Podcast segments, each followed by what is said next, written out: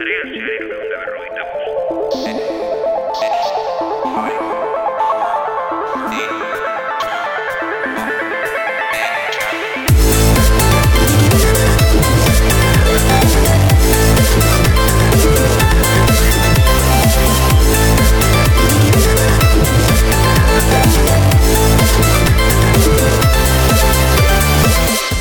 Aurrez aurreko ekitaldiak bueltan daudela modu batean edo estean eitortu behar bazen, bizkaian gertatu dena azken astean uste dugu eredu esea bezala hartu de, dezakegula. Alde batetik, e, librekon ospatu da astearen lehenengo partean, Euskalduna jauregian, e, software librea eta open teknologi buruz e, izan den ekitaldia nahiko arrakastoetsua gainera. Beste partetik, mm, Big Conference izan dugu azke, azken egunetan, e, ja astea e, ia bukatuta, bideojokoi buruz Fan Sirius hartu duen e, kitaldia eta, bueno, berkon bertsioa egin dute e, fan gutxiago izan da eta e, konferentzia gehiago eta e, bideojoko garatzaile gehiago izan da. E, oiek biak izan dira azken a, astean eta benetan bi ekitaldi arrakastatsuak eta publiko e, errakarri dituztenak izan dira Oian artean, e, programa honetan, bat izango dugu librekon. Izango dugu, konkretuki librekonen egon den entitate bat ezagutuz. Egie, haiek, e, bueno, librekonen egon dira administrazio publikoan egiten den eraldaketa erakutsiz, eta konkretuki nik Patrika Digitala aplikazioa erakutsiz. Oskar Guadiaekin hitz egingo dugu programaren bigarren partean aplikazio hau eta egieren eginkizunak ezagutzeko.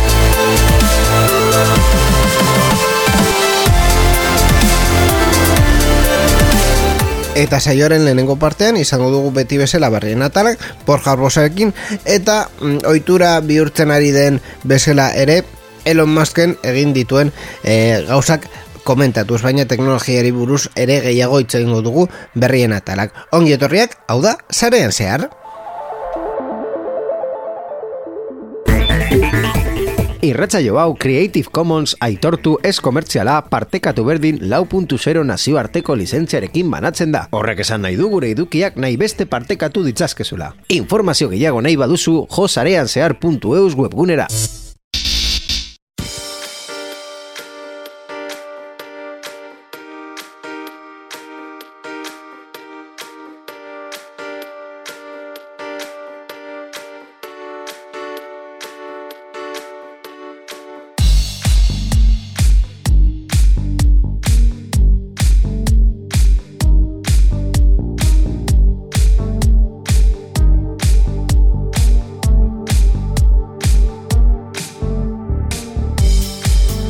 Ba beti bezala zarean zearen, e, gure lehengo atala berrien atala da, eta berrien atalan murgiltzeko, hemen daukagu Borja Arbosa, Arratxaldeon, inigo. Zer moduz, e, astea? Ba, astea ondo, nahiko ondo, esan behar da, eta berri, bueno, pizkat mamitsuekin uste dut, baina berriro ere leku berdinetara bueltatu behar dugu gure burua begira da, eta guzti, ez? Uh, bueno, a ver, depende. Eh, zu, eh, gidoia aurrean daukazu, ez da zuz erekin hasiko garen, denbora aldonetan horrela egiten den dugu, zu esan, eta ni berriak emango dizkizut. Ba, hasiko barko gara berriro ere tximinoarekin. Tximinoarekin. Tximinoarekin, bai. Ba, deitu jozu oiuka, uste dut gaur eh, kostatuko zaiola eh, eh, etortzea.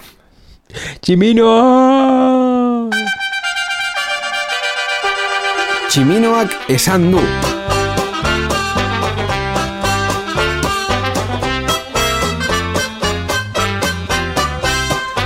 Ba bai, atal honetan Elon Musk azken astean egin duen gauzei buruz e, egiten dugu eta e, kontua labur bilduz ez gara askoz gehiago murgilduko e, Elon ja esan du Twitterren edo izen gauza gerta daitekela edozin momentuan. Orduan, argi izan behar dugu e, bera bere modeloa e, jarri duela Twitterren eta aldaketak eh, askarrak eta mm, ziurrenik eh, ez oso eh, ordenatuak izango izango dira, orduan ez oso antolatutak hemendik eh, aurrera. Haien artean Twitter Blue bertan bera usteko eh, erabakia hartu du eh, egiaztapenen eh, kaosa areagotu denetik eh, badakigu Twitter Blue arpidetzeko aukera desaktibatu mm, duela eh, bere mm, ezaugarriren bat zen eh, arpidetzearekin eskatu zenuela e, bueno, egiaztapen verifikazio hori eta zure profilan agertza txek urdin hori. Claro, txek urdin hori beste e, egiaztapen batzuen txek berdina zen, baina ez da guztiz berdina. Bata da ordainduz eta bestea da, e, ba, bueno, e, Twitter egiaztatu duela zure, zure identitatea pertsona publiko bat e, zarelako. Eta gu geneukagun galdera justu puntu honetan pasaden programan, zen, bale, ordaintzen duzu verifikatzeko, baina Mhm. ondo verifikatuta zaude, hau da, zure akontu pertsona fisiko mm, erreal bat zara, edo hau e, boten e, festa handi bat izango da, hau da, Claro. ordainduta mm, gu jartzen dizugu mm, tik blue hori, eta eta jasu nahi duzuna, edo ez. Ba, erantzuna oso askar eh, jakin Iku- dugu. Ikusi dugu, e, mm, orain arte egiaztatuta zeuden e, profilak agertzen zirela txek horrekin eta beste txek bat jartzen zuena ofizial e, mm, eta hori azkenean e, ba bueno, arazoak zorazi ditu e, Twitter Blue berrogeita sortzi e, ordutan e, e, aktibatuta egon dena ez da, ez da gehiago egon berrogeita sortzi ordu izan e, dira eta berrogeita sortzi ordu hoietan profil ugarik kasetari esekutibo enpresa ospetxo eta kiroraren kirorarien itxura hartu dute. Adibidez e, ba bueno e, Lebron James bat esan zuen Los Angeles Lakersetik e, pasatzea eskatu zuela edo Nintendo Marioren irudi bat argitaratu zuen keinu lizun bat eginez beste kasu askoren artean. E, Lili enpresa farm, e, farmazia enpresak ere argitaratu bueno, Lili kakutxen artean bai ez, ez zirenak argitaratu zuten insulina e, doako izango zela momentu horretatik aurrera eta e, bueno, grafika asko ikusi dira nola e, haien kotizazioa burtsan bera egin duela e, aste batean. Euniko bosta esan behar da eh, euniko Bueno. bosta bakarrik izan dela Egia da, e, du- duela aste bat, e, euneko, a, osea, azken astean euneko amarra baino gehiago irabazi zutela. E, en fin, e, erlatibotasunean ez da hainbeste izan, baina egia da, erabiltzaileek, e, bueno, e, konfundituta ginen hor ikusten segertatzen ari zen, eta nola agertzen ziren profil profil horiek. Bai, zuk esan duzun bezala kontu batzuk beste kontu bat nik ikusi nuen non eh, George Bush esaten zuela eh, Irak eragun eh, Irakiek eh, hiltzea nahi zuela edo Venezuela ez berriz dakiz- edo ez dakiz zer. bai. eh, eh, Claro, batzuk gainera- txiste bezala hartu aldituzu eh, jakinez noski eh, hau ez dela kontu erreala baina beste batzuk txiste bai baino ez posible daiteke zuk esan duzun bezala farmazeutikaren kasuan hau da, hau April Fools edo edo Santos Inocentes hemen Espainian agertzen den batzutan eh, publikatzen dutela berri bat mm, guztio dakigula edo ez bat duzu jakin azkenean esaten dizute baina kasu honetan ze, ze gertatzen da berri hori eh, ba ez eh, tontakeri bat ez bada edo mm, gezurra ez dirudi edo zuk eh, ona bezala eh, Ontzat ematen duzu, ontzat ematen duzu. Eta eh, konsekuentzia ekonomikoak horrelako ondorioak. Ba Ba, bueno. A ber, kasu honetan ez dira hainbeste, hainbeste izan. Egia da ere, Twitterren e, kasu honetan ez dutela eser esan ez, ezaugarri hauek jartzerakoan, ez da gainera, ba, e, jakin dugu Twitter Blue e, bertan bera utzi dutela. Momentuz, e, erabiltzaileko hartarazi zutelako. E, ez, ez, ez da ezer gehiago e, izan. E, esan, eta esan dakoa, Twitterren hemendik aurrera ikusiko dugu nola ezaugarriak e, agertzen eta kentzen dira e, maiz, be, ba, Elon Musken estiloan esango ganuk. Eta ez dira berri honak Elon Muskentzako gainera, e, azte honetan ni, e, pasadas kontatuko dut, e, beste berri baten irakurri duela Teslako kotxe bat istripu oso larria izan duela e, aparkatzerakoan. Hau da, oso larria aparkatzerakoan. Bai, bai, imagina esazu, aparkatzerakoan, ez, ez daukazu abiadura handirik, noski aparka, claro. kotxe aparkatzerakoan, imaginatu sistema, ba, dirudienez, e, pinza joan zaio, e, ikusi du obstakulo bat, edo... E, e, velocitate handia emoteko, hau da e, pisalgaz, eta joan da, eta estampatu da e, pareta baten kontra. Ostra, eta gidariari ze gertatu zaio. Hilda, jo.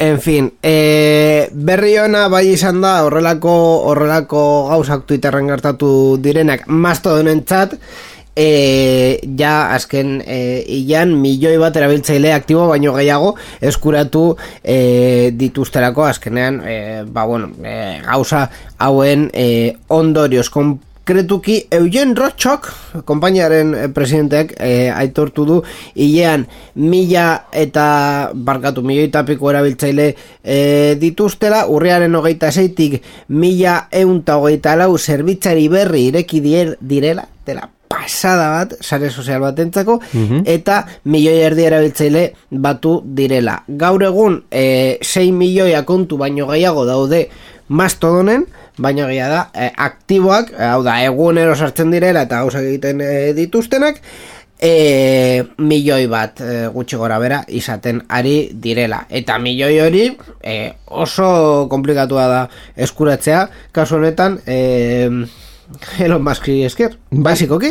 Basikoki, jendea, ba, deskubritu zuen Mastodon lehenengo Twitterreko berri txarrak entzun zirenean, eta, ba, Mastodon da pizka bat, salvaguarda bezala jarri den sare sozial, mikrobloggingeko sare sozial bat, non jendea ikusi du alternatiba bat dagoela, eta gainera, erosi ezin daiteken alternatiba bat, hau da, open source edo eh, aske motatako plataforma, baita ere, esan behar da, pertsona asko saiatu dira mastodonera pasatzen eta aurkitu dute lehenengo komplikazioak zen ez dauka Twitterreko funtzionamendu berdina. Ez da hain erraza astea. Hau da, zuk, hasi bezain laster, e, zeure registroa egiten duzu momentuan, zerbitzari bat aukeratu behar duzu, eta jende gehiena ez daki sekontxo den zerbitzari bat, edo zer esan nahi du zerbitzari bat eh, aukeratu behar dutela, edo e, nola funtzionatzen duen sare sozial descentralizatu bat, e, kasu honetan,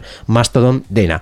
Orduan, e, bi galdera, lehena, jendea e, muro edo pantalla hori pasatuko du mastodonera sartzeko, zen agian pertsona askok e, pasatu die burmuinetik e, mastodonera pasatzera, baina saiakera egiterakoan esan dute e, ba, txe, hemen geratuko naiz, ez da e, Twitterra voltatu eta ja itxarongo dugu beste pizkatxo bat aber zer gertatzen den. E, esango dizut, jendeak pazientzia oso gutxi daukala literalki e, bi pausu gehiago direlako. Horregatik. Zuzartzen zara mastodon.social e, elbidan ikusten duzu mm, zerbitzari nagusiaren hasiera horria eta daukazu botoi bat jartzen duena akontua sortu mastodon.social e, zerbitzarian ezin dira kontu berriak sortu baina esaten dizu beste zerbitzari bat bilatu eta horre beste horri batean jartzen dizute e, zerbitzarien e, zerrenda orduan zerrenda honetan bilatzen duzu akontua sortu daukan edozin zerbitzaria horri ematen diozu e, eta kontua sortu dezakezu mazto honen zerbitzari konkretu batean, baina edozin zerbitzaritik beste edozin zerbitzari suposatzen da e, ikusi dezakezu. Zerbitza horiek interdependienteak dira edo bakoitza bere kabuz funtzionatzen du? Bakoitza bere kabuz funtzionatu dezake, baina konektatuta du. Bidaltzen baduzu zure zerbitzarian beste zerbitzari batean dagoen jendea ikusi dezake? Bai, baina ez. Hau da, zu mesu bat argitaratzerakoan zure zerbitzarian argitaratzen da, baino beste zerbitzari batetik norbait jarraitzen badizu, mm -hmm. Twitterren bezala, horrek ikusiko du zure, zure mesua. Bai. Vale, ya está. O sea, o sea, kontua da, azkenean, emaila bezala gutxi gora bera, era, berabiltzeile ezberdinek, zerbitzari ezberdinetan daudela, baina haien artean komunikatu daitekela. Bai, zerbitzariak berak, eta bai, bai e, erabiltzaileak zuzenean e, batzuk bestei jarraituz. Ez, ez dauka ezer ezberdina eta esango dizut gainera e, erabiltzaileak bilatzeko berdina dela era, erabiltzaile, osea, pertsona esaten dizu begira nire erabiltzailea da, adibidez nire hainigo zendino abildua mastodon punto social. Ba, jartzen duzu hori bilatzailean eta jartzen zaizu eta jazta, eta ez dauka gehiago. Ordun, eh, esan aldugu eh, erabiltzaile berri bat pasa behar duen pauso zail bakarra da eh, zerbitzari bat eh, Erabak, eh, erabakitzea. bai, hartzea, bai. Hartzea, Bai. eta ja, eta Bai. hortik aurrera berdina. Eta, eta gainera gure kasuan, e, Euskadiren kasuan, oso erraz daukagu. Mastodon punto eus. Ya está. Eh, Mastodonen sartu nahi bazarete eta e, Euskal komunitatean bazaudete. Euskal zerbitzari bat dago. Mastodon.eus. Eta Listo. horrek nor kudeatzen du? Eh, ba, Beste galdera bat, nor dauka hor nire datuak, zeren hemen baita ere Bueno, dago galdera bat, e, hor, horrek lege babesarekin nola maneiatzen da?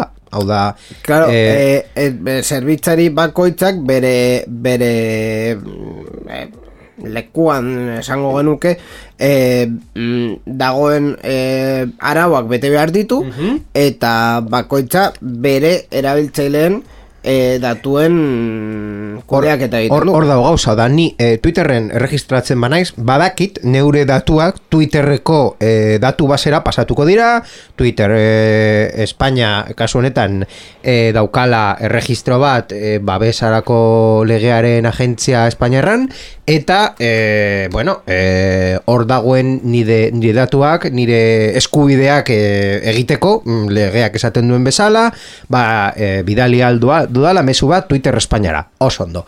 Kasu honetan, ni erregistratzen naiz sare sozial batean, eta nik hor jartzen ditudan datu guztiak, lehenik eta behin nire datu pertsonalak, hau da nire kontua, nik hor mm, jarri aldudan edo zein e, irudi edo informazio, ez dakit ze informazio jarri aldudan, baina bueno, nire izena bizenak, nire, nire bizilekoa, nire, ez dakit, ni- nire adina, horri guztia, eta gero, bidaltzen ditudan mezu bakoitza, hau da, mm, eun mezu dauzkat, hor, informazio hori, nor dauka, non dago, nor kudeatzen du, eta nola nire eskubideak, e, bai, e, Bai, kudeatzen dire. kudeatzen dira, hau da, no- noren esku dago hau? Vale, ba, e, instantzia bakoitzan, zerbitzari bakoitzan, eta gainera e, erakutsi nahi dizut, e, a, a, posible bada erakutsi nahi dizut nola, nola funtzionatzen e, duen, e, ins- zerbitzari bakoitzan, e, horren datuak e, dauzkazu, e, nahi dazu segundutxo bat ustu, ez, ez, dauk, ez daukat prest. Bueno, e, Bueno, baina ez- kasua- ez- ez erantzuteko, baina, bueno, galdera interesgarri bat da. Kasua jarriko dizut. Mastodon.eusera joaterakoan, daukazu erregistratzeko eta saioazteko bi formulario. Em. E, eskuinan jartzen dizu nortzuk e, sortu zuten bere momentuan Zerbitzari hau, bai. zerbitzaria, eta norden administratzailea kasu honetan e, mastodon.eus bere administratzaile e, erabiltzailea e, dauka, baina horretaz aparte behan, es, eskerreko partean daukazu erabilera baldintzak eta pribautasun politika. Eta hori ikusi dezakezu nor kudeatzen duen zerbitzaria ze egiten den zure datuekin eta kasu honetan gainera Euskadin egonda, e, gainera hostina Espainiako hostin bat da, dina hostin, e, mm, Espainiako legeak bete behar dituzte, orduan, hor, e, Espainiako legearekin e, bete behar diren informazio guztia ikusiko duzu. Listo?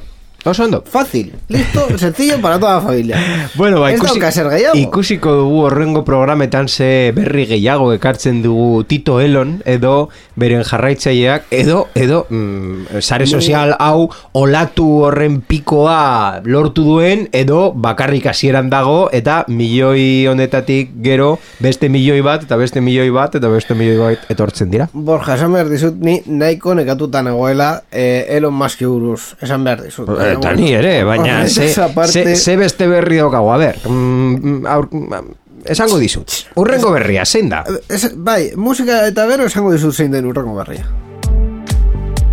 Bueno, barkatu, barkatu, ez edazu zuk zein den urrengo berria. Ah. Zer gehiago hori buruz Ah. nahi duzu. Ah. Gidoia daukazu aurrean ez aidazu.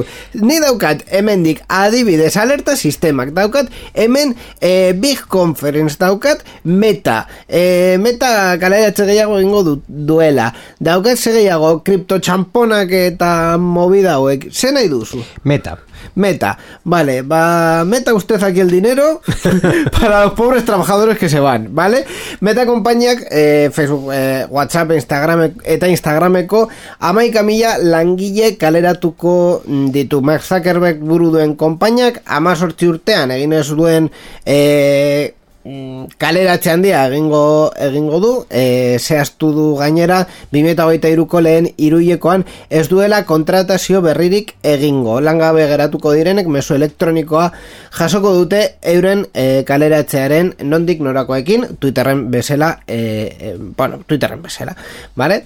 e, Zuckerberg hitzetan pandemiaren eraginez merkataritza elektronikoak gora egin zuen nabarmen eta horrekin baita bere diru sarrerak izugarri baina, claro, e, kontua izan da e, publizitatea atzera joan dela eta e, pizkat geroago diru sarrerak e, bera espero zuen mailarik desente bera daudela horrekin, e, ba, bueno, berak e, publikoki esan du, bere errua dela, gudeak eta errua dela, baina azkenean eguneko amairu hori e, kalean bukatuko dute, e, lanik gabe, orduan, ba, bueno, bai, bere, bere errua da, baina bera ez du ordainduko. Gazteleraz esaten den bezala, gora etorri zen momentu pandemiko Bai. horretan, e, diru sarrera handi, eta esan zuen, ba, inbertsio handiak egingo ditugu. Hori da. Eta inbertsio horiek ez dute frutu handirik eman. Konkretuki, mm, zito, zoritxarrez ez da nik espero bezala atera, oker nengoen, eta nire, e, nire, e, nire egiten dut erantzukizuna. Fin de la cita. Bueno, bai. Zure Ba- egin erantzukizuna, baina ama ikamila pertsona horiek ordainduko dute ondorioak. Bueno, Claro, ikusi behar dugu, amaika mila pertsona, eguneko amairua eh, bada Facebook, bueno, meta gaur egun, eun mila, pi- pizkat baino gutxiago, baina Bai. eun mila pertsona eh, Dauzka, bai. dauka lan egiten bere enpresetan. bai, Tela, eh? bai, bai. Hori No. jende asko asko da eta gainera hain ondo ez doan e, mm, negozio batean Facebook berak adoalako e, Instagram mantentzen da, WhatsApp Insta- mantentzen da. Instagram eta WhatsApp mantentzen dira Oculus pizkat berak adoa ere e, ez, ez e, Bai. bereziki errealitate virtuala bera Metaversoren apostu hori... Claro, Bue, metaversoen apostura, eh, apostua, no, baina eske gainera, e, e, errealitate virtualaren e, sektorean, haiek ez dira kokatu e, aktore nagusiki bezala, bueno, esan behar dut, bai, kokatu dira aktore nagusiki e, bezala, baina gero eta gutxiago. Hau da, beste proiektu batzuk eta beste hardware asko e, aurkezten ari da, haiek egiten dutena, baino askoz interesgarriagoa. Orduan horrekin baita ere merkatu kuota merkatu merkatu merkatu, merkatu kuota galdu dute. Ba, bueno. hori ere realitatea da. Bai. Eh, metarentzat, Ei, baina, baina ez dira bakarrak, hainbat konpainia teknologikoa atzea pauso importante bat eman dute. Amazon, beste konpainia bat izan dena kaleratzeak hor argitaratu dituena, eta baita ere jakin dugu eta kontatu dugu azken programetan nola streaming zerbitzuak, nola Netflix, nola Disney Plus, nola HBO, eta besteak beste beren suskripzio motak aldatuko dituzte, iragarkiak hasiko dira sartzen. Ah, eh, berri kurioso bat ikusi dut eh, ez dakit Madrilen edo non jarri dutela A3 mediakoek pankarta oso handi Bai. bat esan ez eh, aja, orain ja dakizue zer den telebista konpainia bat izatea iragarkiak sartu behar Bai, dituzue. bai. Eh, de- jartzen zuen iragarkiak orain deskubritzen ari dutenen eh, guztientzat Ongi etorri. telebistara. ba, Ba- hor- horrela da. Eh, Errealitate triste, baina baina errealitatea. Bai, baina bueno, baita ere kasu, kasu askotan eta bueno, beste kasu gehiago dauzkago hemen komentatzeko ia ez dituguna komentatuko e, kasu askotan enpresa batzuk oso e, oso mm, askar handitzen dira batez ere inbertsoren diruarekin, baina horrek ez du esan nahi e, diru sarrera realak dituzten.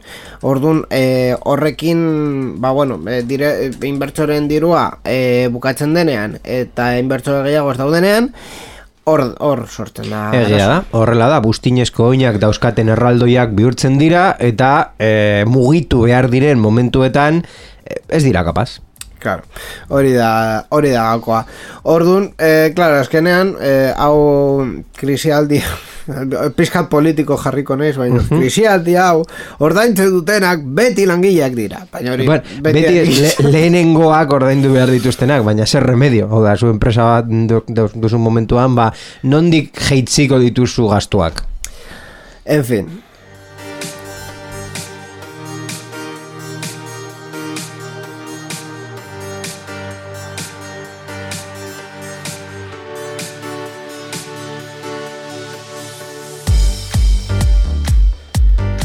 Bueno, Borja, esan behar dizut gauzatxo bat. E, azken aste honetan, bi ekitaldi ospatu dira, nahiko, bueno, nagusiak izan eh, direla, e, Librecon eta Big Conference, eta ezakit, oioi buruz hitz egitea nahi duzu, edo ze, ze egiten dugu? Bueno, berri interesgarririk egon hor, bai, uste dut Big Conference adibidez izan dugula berri, bueno, kuriosoa, eh, PlayStation gutxienez fan asko dauzkatelako hemen. Bai, e, horrela da, gainera, bueno, e, ekitaldi berria egin egin dute e, Fan and Sirius utzi zuen e, bueno, kutsua e, erabiliz eta bueno, e, konferentzia bezala orientatu dute kasu honetan, baina e, baita ere sariak eman eman dituzte Titanium sari hoiek eta haien artean e, Shuei Yoshidak PlayStationeko funtsesko pertsonak bi konferezen e, ohorezko saria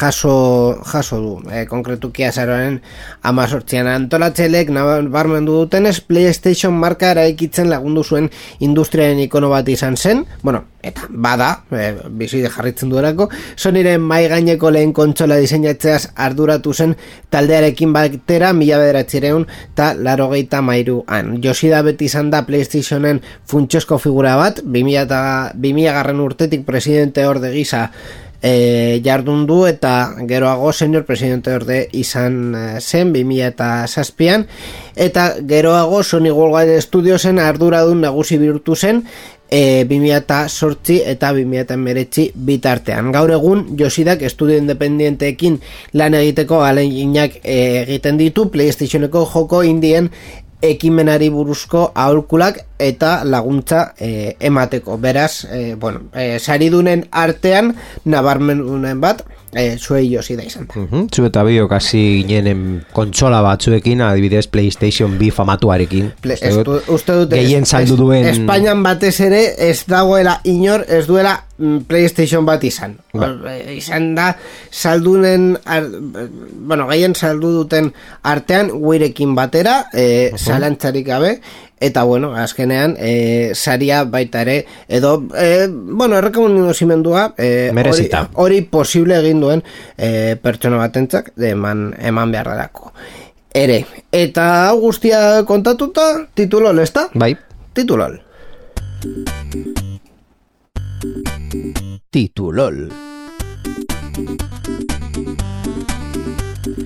Eta orain buelta ematen diogu e, berrien atal honi, e, Borja bilatu duelako berri bat, ez dit esan zein berri den, baina e, suposatzen da nire sorpresa bilatzen duen berria izango dela. Beraz, Borja aurrera tituloraekin.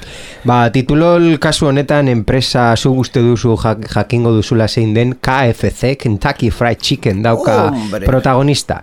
Kentucky Fried Chicken promozio oso ona edo ez hainbeste atera zuen Alemanian pasaden astean e, oso festivitate em, em, polemikoa konmemorazioa egiteko. Zu dakizu zein den la noche de los cristales rotos. E, ah, Alemanian. mm, Alemanian. E, Bai. Ez, ez, ez, ez, ez, ez, ez, egia esan da ez. Historia estudiatu beharko zenuke inigo. Bai, ziur, ziurrenik, ze, ze izan zen? Ba, e, historio horretan, e, nazi gobernuak hasi zen momentuan, gertatu zen, e, mila bederotxireun da hogeita mazortzi garren urtean, eta laro mar pertsona baino gehiago, batez ere judio, e, diren pertsonak, hildakoak geratu ziren, e, naziak beren eskaparateak e, ba, arriska e, apurtu zituenetan.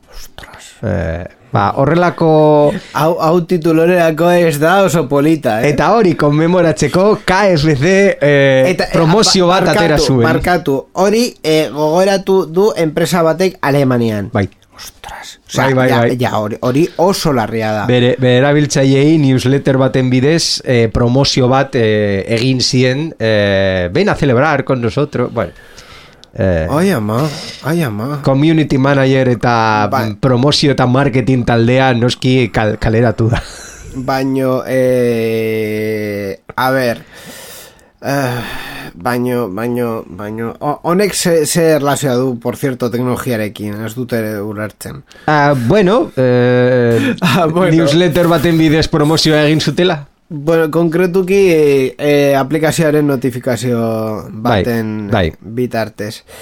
A ber, KFC, mesedes, eh, mm, egun bat gogoratzea ez du esan nahi automatikoki promozio bat jarri behar dela egun horretarako, vale? Kasu batzutan ez da behar eta ez da gomendagarria. Ah, Bereik esan du aka, eh, noski atera Bai, akats dira bat izan diren, akats bat izan dela eta ta, ta, konfunditu zuten ez dakit eh, Bai, oh, eh, hilario parda. Bai. Bai, oso ondo. Vale, ba bueno, eh, onaino, onaino titular. Eta onaino ere berrien atala Borja eskerkasko gurekin aktualitatea komentatzeagatik. eskerrek asko inigo eta entzule guztioi ba, urrengo programan arte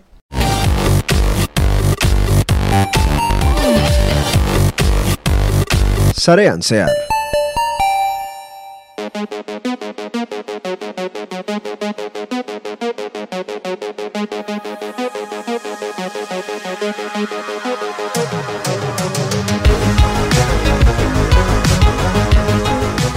Elkarrizketa zeil honetarako librekonera etorri gara, teknologia irekien sektore, sektoreko eh, Europa goaldeko erreferentziazko nazioarteko ekitaldia dela. Amargarren edizioa hemen, eh, Euskalduna jauregian ospatzen ari da, bueno, eh, zuentzat ospatu da, librekonen software librea hitz egiten da, eta horren inguruan zibersegurtasuna, konputazio kuantikoa, web iru, adimen artifiziala eta eraldaketa digitala. Ere, gaur eraldaketa digitalaz hitz egitea nahi dugu eta konkretuki sektore publikoan gertatzen ari den eraldaketa digitalari buruz. E, horretarako gurekin dugu egieko Oskar Guadilla, arratsaldeon Oskar. Bai, arratsaldeon. Lehenik eta behin kontatu behar dugu, zer da egi, ezein da zuen, eh, zuen helburua eta eh, ze egiten duzue, Bai, azkenean egieren e, sigla horiek atxean dak, dakarretena da Eusko Jaurlaritzaren informatika elkartea.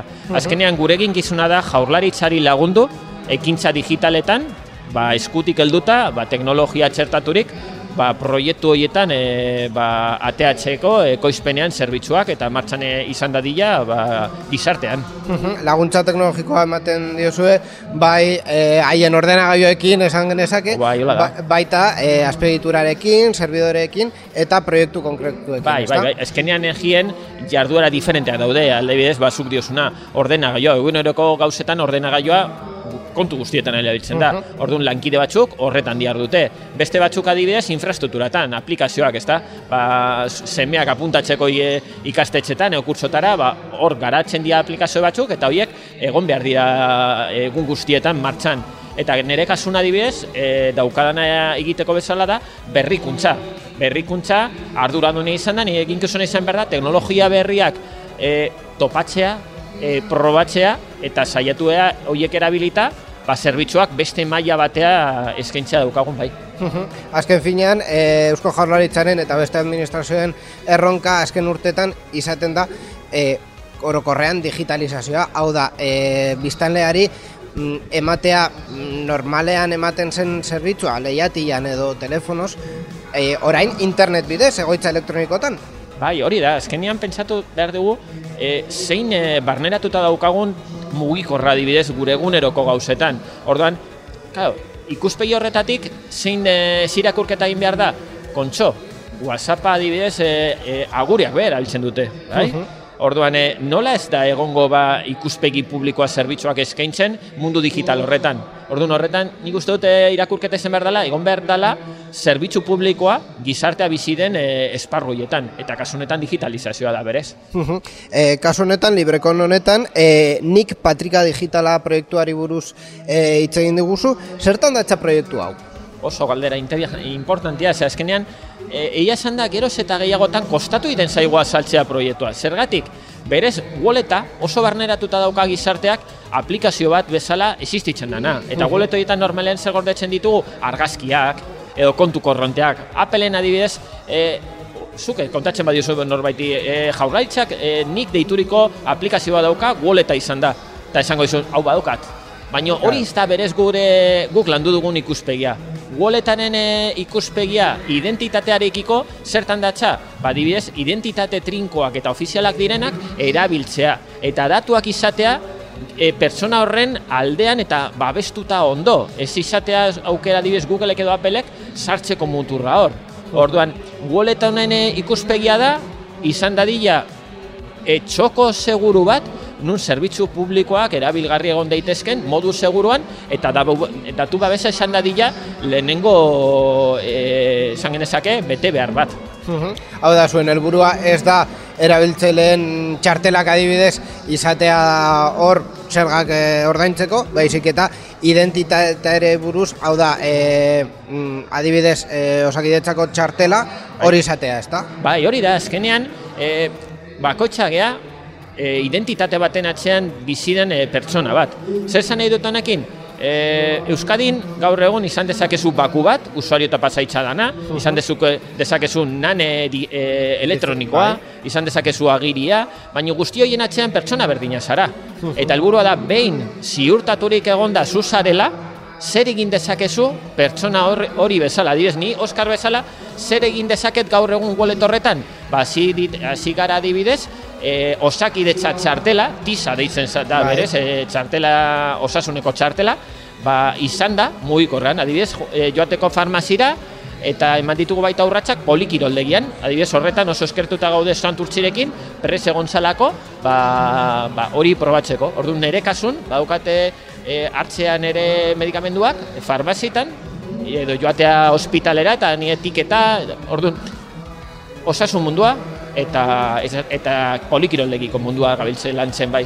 Momentuz bi proiektu horiek dauzkazue martxan bat, bat alde batetik osakidetzarekin lakoa bizkarra gunean gazteizen bizi direnekin e, tisa bere mugikorrean izateko alde bat, beste alde batetik santurtziko biztanleek e, bere poriko iraldegietan ere erabile ari izateko. Nola da azte bi proiektu piloto horiek, ze feedback jasotzen ari duzu? Oso galdera hola, e, interesgarria zergatik. E, eskaini, azkenean pentsa dezagun piloto modura hasi garela.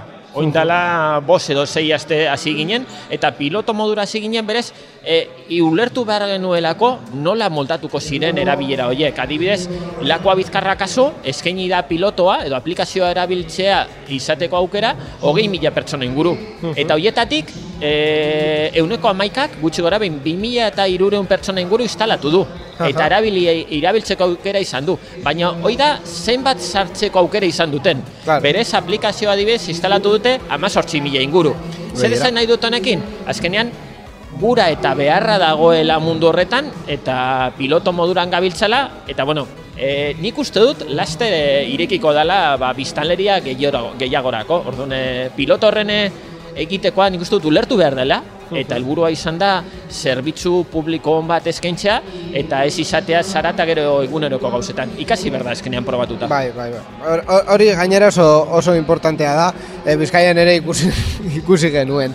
E, ze, ze bete behar e, dauzka aplikazioa? Ze behar du biztanleriak e, aplikazio hau erabiltzeko bere txanda heltzen denean? Ba, berez, bete beharrak oso gutxi dira. Zer esan nahi dutenekin?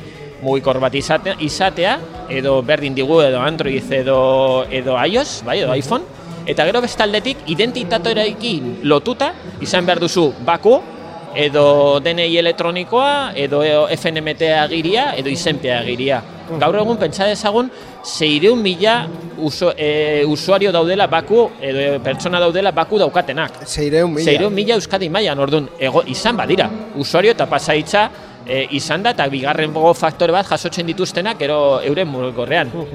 Orduan, e, egoera nik uste dut ez dela, nik horatzen dut nola, oin dela urte batzuk, e, landu zen olako ikuspegiat, ona deituriko agiri batekin, baina ba, Bai. oin dela urte asko. Egoera zen berdina, gizartea zegoen mo, e, momentu berean, eta ez da teknologia ere. Orduan e, ikuspegia gaur egun, nik uste dut usuario eta pasaitza izan da baku bez- bezala, identitate trinkoa, ba, horrek e, irekiko dituela ateak. Claro. Gainera, eh, odeian kudeatzen dure, diren ziurtagiri horiek, bakua adibidez, eh, asko erraztu dute biztanleriari eh, honetara sartzea eta haien identitatea baita ere interneten izatea, ezta? Bai, bueno, azkenean, baki, zuek badakizue, e, hemen Euskadi mailan badagoela entitate bat deitzen deine izenpe, Bai. eta azkenean patronatoan dagoela daudela hiru foru aldundiak eta eusko jaurlaritza, eta horrek baimentzen du baita izatea e, bide bateratu bat esango genezake, bai?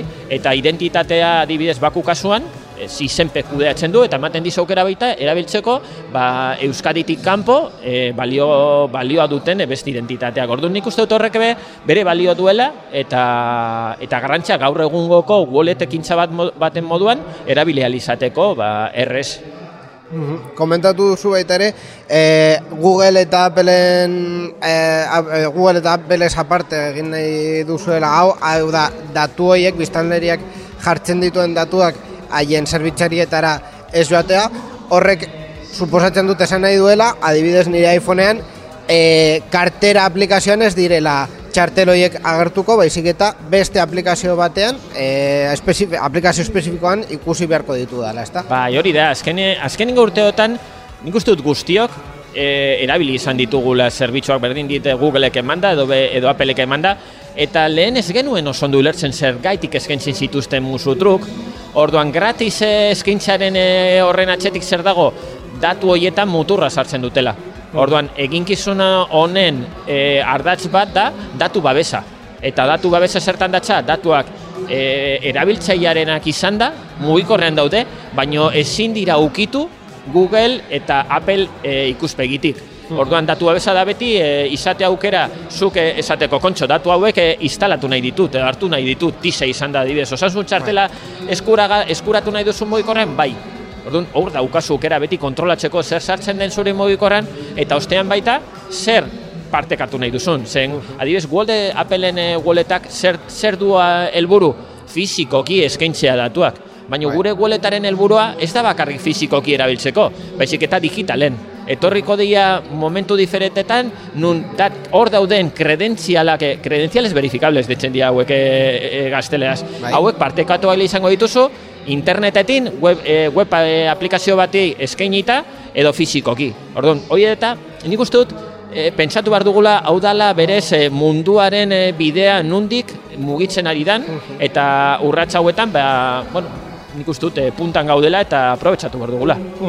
Eh, claro, eh, proba hau ez da, mm, espero dugu eh, eh, honetan ez geratzea, beste administrazio eta beste sistemak sartuko dituzue. Eh, mm, eh, aurrerapen bat eman aldi guzu administrazio bati buruz edo sistema bati buruz? Venga, vale, aurrera, egin dezagun, a ber, lehenengo eta behin, aplikazionen e, hau sustatzen duena Eusko Jaurlaritza da. Baina gaur egun adibidez, badauzkagu, e, udaletxe baten zerbitzuak. Esan genezake hor, lotu direla, e, nik uste dut, lehenengo aldin, e, Eusko, e, Eusko Jaurlaritzan erkidegon sustatzen diene zerbitzuak eta udaletxetan sustatzen dianak. Orduan alde horretatik, ba, gabiltze hitz egiten baita foru aldundi batekin, e, eiza agiriak e, erabiltzeko, bai? Vale. Orduan, hoi alde batetik, geho bestaltetik, ba, gabiltz baita polikiroldegi diferentekin hitz egiten, eta nik uste dut etorkizunera begira egongo direla erabilgarri, eta beste zerbitzu diferente batzuk, ba, egunerokotasun batean erabilti daitezkenak. Hala ere, nik uste dut denbora beharko duela, baina ez pentsatu horren beste izango denik. Hau, e, nik etxait esaten dut normalean, labean e, bero daukagula, eta olako gauzak bero-bero daude. Gainera, eh, azkar, azkar badoa baita ere biztanleriak ikusiko du proiektu hau aurrera doala eta hori ere oso, oso positiboa da. E, egieri buruz ere hitz egiten, em, a- aipatu dezakezu e, Eusko Jaurlaritzarako egiten duzuen beste proiektu bat horrela, e, ba, bueno, mm, zuen proiektu izarra e, aipatzerako e, eralde, eraldaketa digitalaren esparru horretan. Bai, adibidez, e, elduta berrikuntzari, bai? Ni goratzen dut nola orain hiru urte, probatu genuen adimin artifizialak zenolako aukerak irekitzen zituen hizkuntzarekiko. Eta garai hartan ikusi genuen, ba, aukera edo salto handia zegoela itzulpen, e, itzulpenarekiko. Orduan, oindala hiru urte, ikusi genuen aldea zegoela eta gaur egun oso zabalduta dagoen itzultzaile neuronala, Bai. itzuli deiturikoa, e, hori izan dugu, eta adibidez, ne, ibiltzen gara azkenean datuak ikusten erabilerarekiko. Ez, inoiz ez dugu ezer gordetzen, ez da zer eskatzen den, ez da zer bueltatzen den, baina estatistikoki badakigu zenbat eskakizun egin diran, ze, luzape, ze luzeran, e, zein ipetik etorri dian, eta adibidez atxo, Bai? e, ba, uste dut, berreunta irurogei mila eskakizune jaso genituela, eta hogeita bost mila IP diferentetatik. Zer esan nahi du horrek? Ba, ostras, berreunta irurogei mila eskakizun edo laguntza, edo BTB, edo beharrak eh, asetu ditugula, eta niko kalkulatzen dut, hogeita mar mila pertsona diferentek erabili duela. Eta nik uste dut hori dela berez eraldaketa digitala. Osea, azkenean beste horiek zer erabiliko lute, lukete bere hauen e, eguneroko laguzetan. Ez dakigu ikasleak diren, e, o gurasoak diren e, laguntzen e, umeei, baina hor dago. Eta da zerbitzu bat egunero erabiltzen dena, eta nik uste dut horrek eraldaketa bat sustatzen duela. Berez, autonomia e, posizio bat eskaintzen diolako e, ba, gizarteari. Esan behar dizut, eraldaketa teknologikoa, baita hizkuntza eraldaketa ere, orain Euskaraldean e, gaudela, ere importantea dela, e, mundu guztiari, pertsona guztiei ematea e, tresna bat e, euskaraz komunikatzeko eta euskaraz hitz egiteko edo idazteko adibidez. Hola, da bai. Eta horretan horretan ere sartzen zarete. Neri orain kom, kom, gustatuko litzaideak hemen komentatzea teknologiak ateak irekitzen dituela, baino importanteena da e, gura izatea. Zer esan nahi dut honetan? Egiek lan egiten du jaurlaritzaren e, beharretan, edo beharrei helduta. Eta honetan adibidez oso importante izan da e, hizkuntza eta politika sailak izan duen fedea proiektu honetan eta gura kontuak e, kontu hauek beste modu diferentetan e, egiteko. Eta hor gura hori edo brillo hori e, ez dakenean ikusten duzunean begietan brillo hori azkenean e, gustora lan egiten da eta nik uste dut e, sorte handia dugula horretan bai. Bestela e, balego lako e, bezerorik edo lako arduraduna sa- e, sailetan e, nik uste dut kostata ibiliko ginela. Ba, bukatzeko Oskar, eskerrak eman behar e, dizugu, gurekin sarean zearen egoteagatik. Espero dugu e, proiektu hau e, Nik Patrika Digitala aurrera e, joatea mm, arrakasta handiarekin eta librekonen urrengo e, batean ere topatzea, bale? Venga, mi esker eta nik uste dut urtarrilerako urte berre, e, urren urtearen begira e, nahi baduzue e, hitz egin dezagun berri eta ikusiko dugu ea nola gauden eta benetan behar dezunerako, bakizun on dagoen eta egin dezagun guztien artean. Egurre! Entzun berri duzunari buruz hitz egin nahi? Zure iritzia jakin nahi dugu, idatzi ezaguzu Twitterren gure erabiltzailea, sarean zehar da. Gure Twitcheko emanaldietan ere parte hartu eta zure iritzia eman dezakezu programa egiten dugun bitartean. twitch.tv barra sarean zehar. Gainera, zure ekitaldiaren edo ideiaren berri eman nahi baduzu, posta elektronikora idatz diezagukezu info abildua sarean zehar.eus. Sarean zehar, zure mezuen zain.